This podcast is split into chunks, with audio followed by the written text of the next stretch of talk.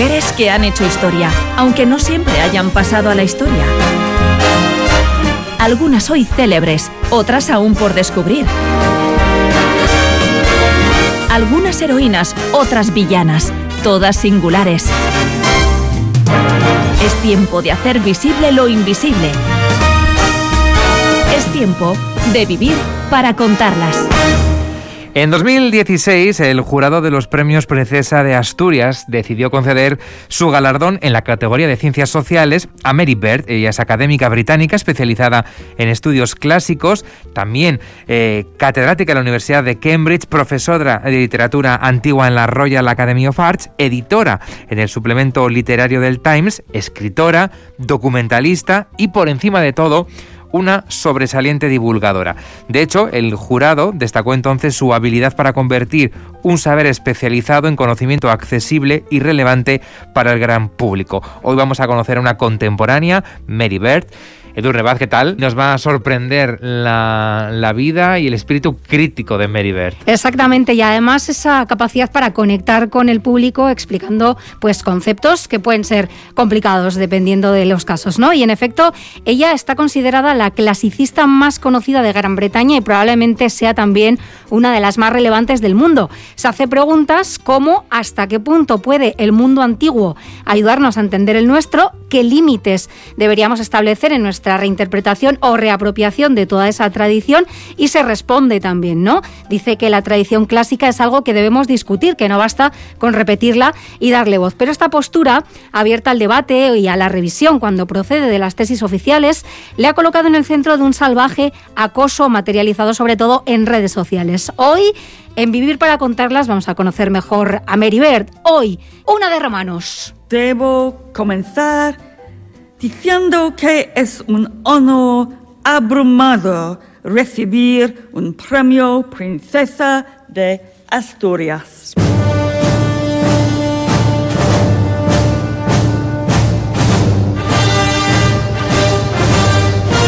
Como siempre, vamos a empezar por el principio. Meribert nació el 1 de enero de 1955, lo hace en la localidad inglesa de Match Wenlock fue hija única y recibió además de sus padres un indudable impulso intelectual. Cierto, su madre Joyce Emily era directora de un centro escolar, además de una ávida lectora, y su padre Roy trabajaba como arquitecto. Ella se formó en una escuela privada para niñas y cuando llegó el momento de acceder a sus estudios universitarios, se encontró con un muro que en adelante empezaría a reconocer con frecuencia. Sus aspiraciones de estudiar en el londinense King's College se vieron frustradas porque esta institución no concedía becas a las mujeres. Se matriculó entonces en el Newnham College de Cambridge una universidad femenina en la que volvió a ser muy consciente de la realidad de su época y es que las capacidades intelectuales de las mujeres se abordaban de un modo desdeñoso y condescendiente y desde que en su etapa escolar aprovechara ya el verano para ganar unas libras trabajando en excavaciones arqueológicas, parece que Mary Bird siempre tuvo un ojo en el presente y otro en la antigüedad greco-romana. Su tesis doctoral, hecha en el año 1982, se centró ya en la temática por la que luego acabaríamos conociéndola, llevó por título la religión de Estado en la República Romana tardía, un estudio basado en las obras de Cicerón. Y para entonces ya había impartido clases en el King's College al que no pudo acceder en como ese mismo alumna. sitio, ¿no? Donde no pudo ser alumna y luego acaba impartiendo clases. Exactamente. ¿no? La vida da muchas vueltas. A veces coloca a las personas en su, sitio, lugar. no siempre, pero a veces sí. Y en 1984 se convirtió en la única mujer conferenciante en la Facultad de Clásicos de Cambridge. Y a partir de ese momento, su experta presencia en los círculos académicos no hizo sino crecer y consolidarse. Su estilo se ha convertido ya en toda una marca. The story of the Roman Empire opens with a fairy tale. Once upon a time, not far from here, a princess gave birth to twin sons.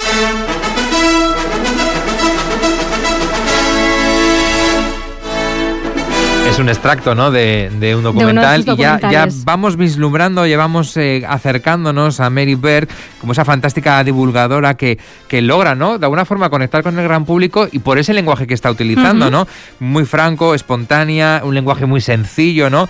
Mucho sentido del humor también y luego pues eh, de alguna forma no se presta mucho, mucha atención a los detalles. Ella es muy académica, pero también fija su atención siempre en los aspectos más cotidianos de la vida en la antigüedad, ¿no? Los que generalmente quedan y han quedado fuera de los manuales históricos convencionales y de los propios libros de texto, porque la vida es también o sobre todo lo que ocurre entre guerra y guerra, ¿no? Que parece ser la unidad de medida histórica, pero es que ha habido mucho más todas esas gentes que nos han precedido, ¿no? Pues de las que no se suele tampoco hablar. Y en sus conferencias, series documentales o libros se pregunta cosas como ¿de qué se reía esta gente, ¿no? ¿Qué les hacía gracia? ¿Se lavaban los dientes? ¿A quién acudían si necesitaban ayuda o consejo? Ella explora cómo vivían aquellas personas anónimas que no eran ricas, poderosas o célebres y cuáles eran las preocupaciones diarias del habitante corriente del Imperio Romano, ¿no? en 2010, de, esa imagen que hemos popularizado, más ¿no? allá de los emperadores, ¿no? Y compañía, pues había personas allí viviendo su vida cotidiana, ¿no? Y en 2010 presentó en la BBC eh, un documental que hoy es muy famoso, ¿no? Pompeya, que a partir de pruebas forenses y herramientas tecnológicas reconstruye las vidas de quienes perecieron sepultados bajo la lava y las cenizas ¿no? que expulsó el Vesubio. Y aunque su programa divulgativo igual más célebre sea eh, Conociendo a los romanos, también es de la BBC, en este ya se acerca también al espectador la vida de los ciudadanos romanos ordinarios, pues como podían ser niños, mujeres, carniceros, tenderos y por supuesto, no nos olvidemos, esclavos, ¿no? Y también hay más trabajos, ¿no? Por ejemplo, ese Roma Imperio sin Límites o Calígula, son trabajos eh, audiovisuales que, bueno, de, un, de una gran factura, ¿no? Muy relevantes. Muy importantes. Y ella, además, con esta labor, eh, siempre reivindica la necesidad de establecer un diálogo entre el pasado y el presente. No dice que tengamos que buscar respuestas concretas en el pasado a nuestros problemas, pero sí, eh, como afirmó cuando recogió este premio Princesa de Asturias, desafiando nuestras certidumbres culturales y abriendo nuestros ojos a otras perspectivas, ¿no? Y si es menester, desmontando algún que otro mito. En sus propias palabras, el estudio de los clásicos implica entrar en una conversación no solo con la literatura y los restos materiales que nos han llegado de la antigüedad, sino también con aquellos que a lo largo de los siglos han intentado antes que nosotros entender a griegos y romanos, que los han citado, que los han recreado. Para ella es clave la palabra debate. Y si de algo sabe Mary Bird, es de debate y no precisamente civilizado.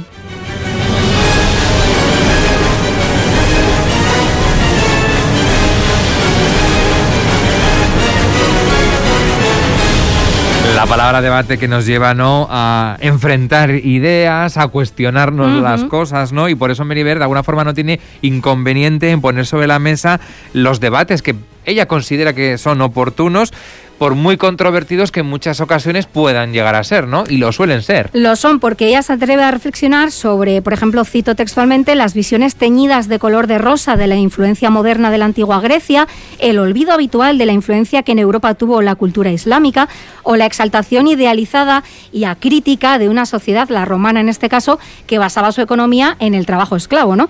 Y, por ejemplo, ella nunca ha negado, como se ha dicho, que murieran cristianos en el Coliseo romano. Lo que ha afirmado es que, aunque los historiadores sí creen que ocurrió, no se ha podido demostrar. Y claro, estamos hablando de un tema que sentó las bases del martirio de algunos santos cristianos. Así de delicado es el asunto, ¿no? Y en todo caso, sí hay algo que cabe desmentir, y es que no pudo ser obra de Nerón porque el Coliseo no existía todavía durante el mandato de Nerón. Petronio, ¿eres cristiano?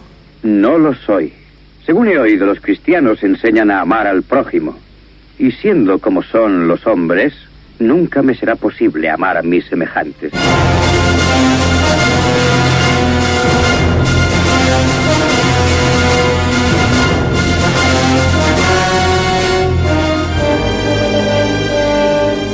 Ese afán ¿no? por, por debatir, por cuestionarse las cosas, por crear eh, debates muchas veces no controvertidos, eh, le ha llevado ¿no? a tener eh, de vez en cuando bueno, pues tensiones dialécticas, ¿no?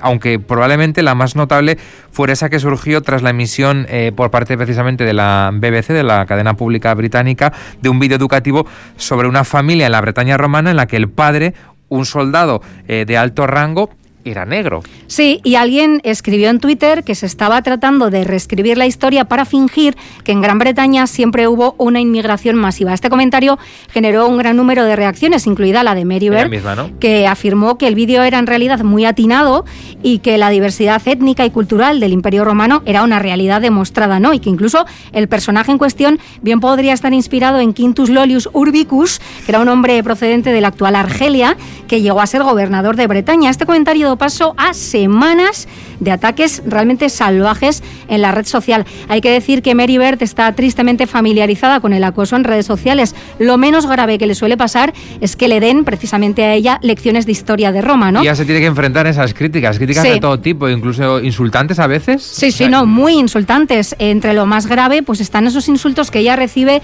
con una frecuencia agotadora, desde farsante, mentirosa, elitista, hasta grandes clásicos del insulto sexista, ¿no? Como por ejemplo loca, vieja, fea, o sea, insultos no centrados en su discurso. Llevan a lo personal, ¿no? A lo personal, machista. Exactamente. El hecho de ser mujer nos vale para todo, para criticar, ¿no? Eso es. El aspecto de Meribert, pues es peculiar y además es el suyo, ¿no? Y por ejemplo, Elvira Lindo hizo un retrato de ella que se titulaba Las palabras hieren, hablando de este asunto. Está incluido en su libro 30 maneras de quitarse el sombrero y la describe como eh, una alocada melena blanca, dientes llamativos por su irregularidad, detalles excéntricos en el calzado o las gafas y lo que ha resultado más indignante para algunos, un impactante aplomo en su lenguaje corporal. Lo más grave sí, en todo sí, caso. Sí, es agotador, es frustrante. No, no, es un día sí y otro también. Eh, pues tener que someterse todos los días a ese tipo de críticas, creo que lo más grave no son las amenazas de muerte que, que ha recibido. Sí, además que no ha sido una ni dos, han sido muchísimas y solo por dar su opinión. Y esto nos lleva a la otra gran lucha de Mary Bird.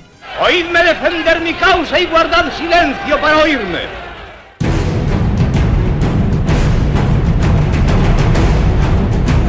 ¿Cuál es esa otra lucha de Mary?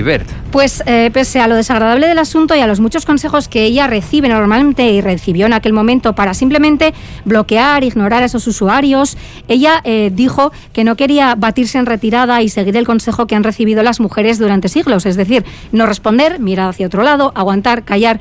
Y ella optó, como sigue haciendo, por responder a los comentarios que consideró ¿no? De alguna forma. Sí, incluso... Que no quede ahí impune, que no quede ahí sin más en el aire. No, vamos a confrontar. Y además no solo contestar estaba, sino que habló directamente con esas personas, incluso con algunas de ellas en persona, más allá de la red social, se molestó en eso. Y todas esas experiencias pues dieron forma a dos conferencias pronunciadas en 2014 y 2017, que luego se recogieron en el libro Mujeres y Poder, que denuncian el silencio que histórica y sistemáticamente se ha impuesto a las mujeres que osaban transitar territorios tradicionalmente masculinos, ¿no? Y cómo han sido mantenidas al margen no solo del discurso público, sino por extensión de las estructuras de poder. Ella aporta ejemplos que van desde Penélope, Medusa o Atenea hasta Teresa May o Hillary Clinton. Incluso la mismísima dama de hierro, Margaret Thatcher, trabajó con un logopeda para que su voz sonara más grave.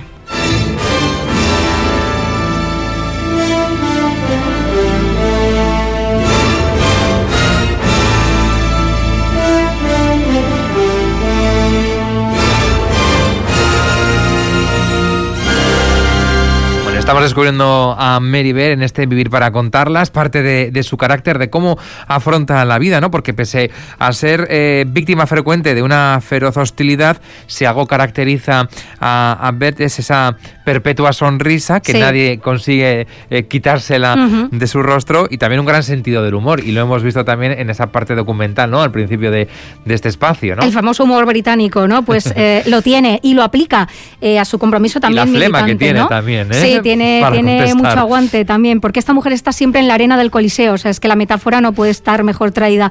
En este caso, ¿no? Siempre está ahí luchando con leones en las redes, pero bueno, ella aplica este sentido del humor también cuando elige, por ejemplo, ponerse unas medias azules para acudir a sus entrevistas de trabajo, esto lo ha contado y hay que contextualizarlo, y es que la Blue Stocking Society, que podríamos traducir como Sociedad de las Medias Azules, fue un movimiento literario del siglo XVIII que buscaba acercar la literatura a las mujeres en un momento en el que solo los hombres tenían acceso a la universidad. De alguna manera podría ser eh, predecesora de, del liceo femenino, ¿no? del que hablábamos aquí también, en el caso de España. Pero el término Blostoking se extendió en Reino Unido para referirse de forma despectiva a las mujeres académicas consideradas poco atractivas. ¿no? Entonces Mary Beard dijo, bueno, pues para adelantarme yo a esta mofa tradicional, me voy a poner siempre unas medias azules para acudir a cualquier entrevista de trabajo. Y ella siempre así está haciendo sus declaraciones de intenciones. ¿No es este un tema para un poema, Petronio? Es un tema para una epopeya, divinidad.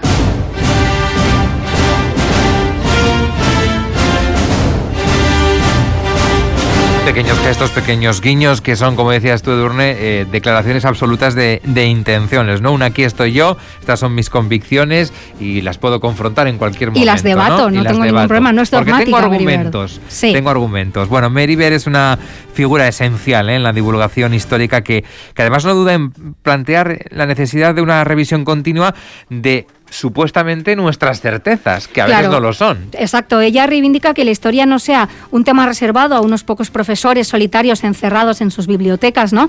Insiste en que se trata de una actividad ciudadana, comunal y compartida en la que todo el mundo debe participar, así lo dijo recibiendo su princesa de Asturias, y nos recuerda que la historia tiende a formarse ideas generales a partir de detalles particulares, ¿no? Que generalmente son los elegidos frente a otros que se descartan y por lo tanto esas verdades aceptadas de forma más o menos unánime son siempre por fuerza relativas. Una mirada moderna, dice ella, siempre encuentra formas de plantear nuevas preguntas y a veces encontrar nuevas respuestas. Entonces, el Imperio Romano goza de una aura épica innegable, de ahí que las reflexiones de sus líderes militares o intelectuales, incluso su extensa iconografía, ¿no? pues haya sido utilizada, como hemos visto con frecuencia, por movimientos políticos de todos los colores. Y si bien sus logros son innegables, tampoco deben impedirnos ser conscientes de las facturas pagadas, ¿no? Las facturas que el Imperio Romano extendió, pues eran también cuantiosas. Y esto lo parodiaban muy bien eh, los Monty Python en esa hilarante película, ¿no? La, La vida de de Brian. Brian. ¿Qué nos han dado los romanos? Y a cambio los romanos, ¿qué nos han dado? El acueducto. ¿Qué? El acueducto. Ah, sí, sí, eso sí nos lo han dado, eso es cierto, sí. Y el alcantarillado. Ah, sí, el alcantarillado. ¿Te acuerdas cómo olía antes la ciudad? Sí, de acuerdo, reconozco que el acueducto y el alcantarillado nos los han dado los romanos. Y las carreteras. Evidentemente Ah, sí, las carreteras, eso no hay ni que mencionarlo, hombre. Pero aparte del alcantarillado, el acueducto y las carreteras... La irrigación. La sanidad. La enseñanza.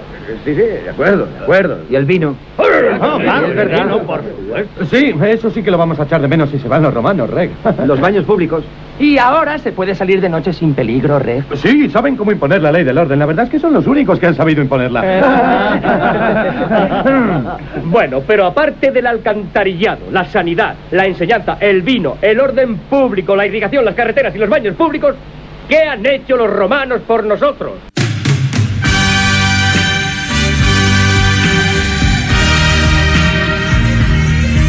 Estamos descubriendo a esta académica británica especializada en estudios clásicos, Meribert. Su labor ha sido reconocida en numerosas ocasiones. Escuchábamos esas palabras de agradecimiento cuando le daban el premio Princesa de Asturias. Era en el año 2016 y era por, eh, bueno, pues eh, en el campo de las ciencias sociales, pero ha, recibido muchísimos más premios. Sí, bueno, eh, ella también es oficial de la Orden del Imperio Británico, por ejemplo, es profesora honoris causa en universidades, por ejemplo, como en la Carlos III de Madrid y en la Oberta, si no recuerdo ahora mal, también de Cataluña. Pero bueno, para un tour guiado, digamos, por el mundo clásico, son muy recomendables sus documentales, que además podemos encontrar en YouTube, muchos de ellos, sus conferencias y sus libros, que son verdaderos éxitos de ventas entre un público que pocas veces antes, digamos, se había acercado con tanto entusiasmo ¿no? a la cultura clásica. Podemos destacar títulos como Pompeya, historia y leyenda de una ciudad romana, La herencia viva de los clásicos, SPQR, una historia de la antigua Roma, Mujeres y poder, del que hablábamos antes, o La civilización en la mirada, que es también muy interesante y muy visual, y repasa cómo se ha percibido el cuerpo humano a través del tiempo y el espacio, o cómo han representado los dioses eh, las diferentes culturas, por ejemplo. Y por todo eso me siento muy afortunada.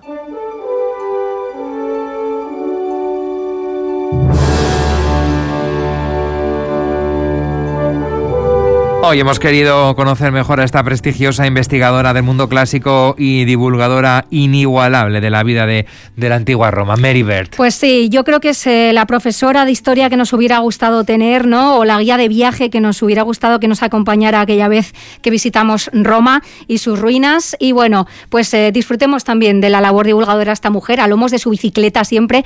Y en los documentales me encanta que se tira al suelo, repta, trepa y haga lo que haga falta entre ruinas y estatuas, pues para explicárnoslo todo muy bien, así que muy recomendable. Bueno, en palabras del Viralindo, Meribeth ha aprendido con sangre cómo nuestra naturaleza no es menos agresiva que la de aquellos viejos imperios que hoy tenemos por más crueles. Bueno, muy interesante la vida de Meribeth, siempre queremos eh, descubrir y visibilizar a mujeres que, bueno, pues muchas veces la historia no les ha dado el lugar que se merecían o lo han hecho a base de sudor y lágrimas, ¿no? Exactamente. En múltiples ocasiones. Edu Rebaz, muchísimas gracias. De nada.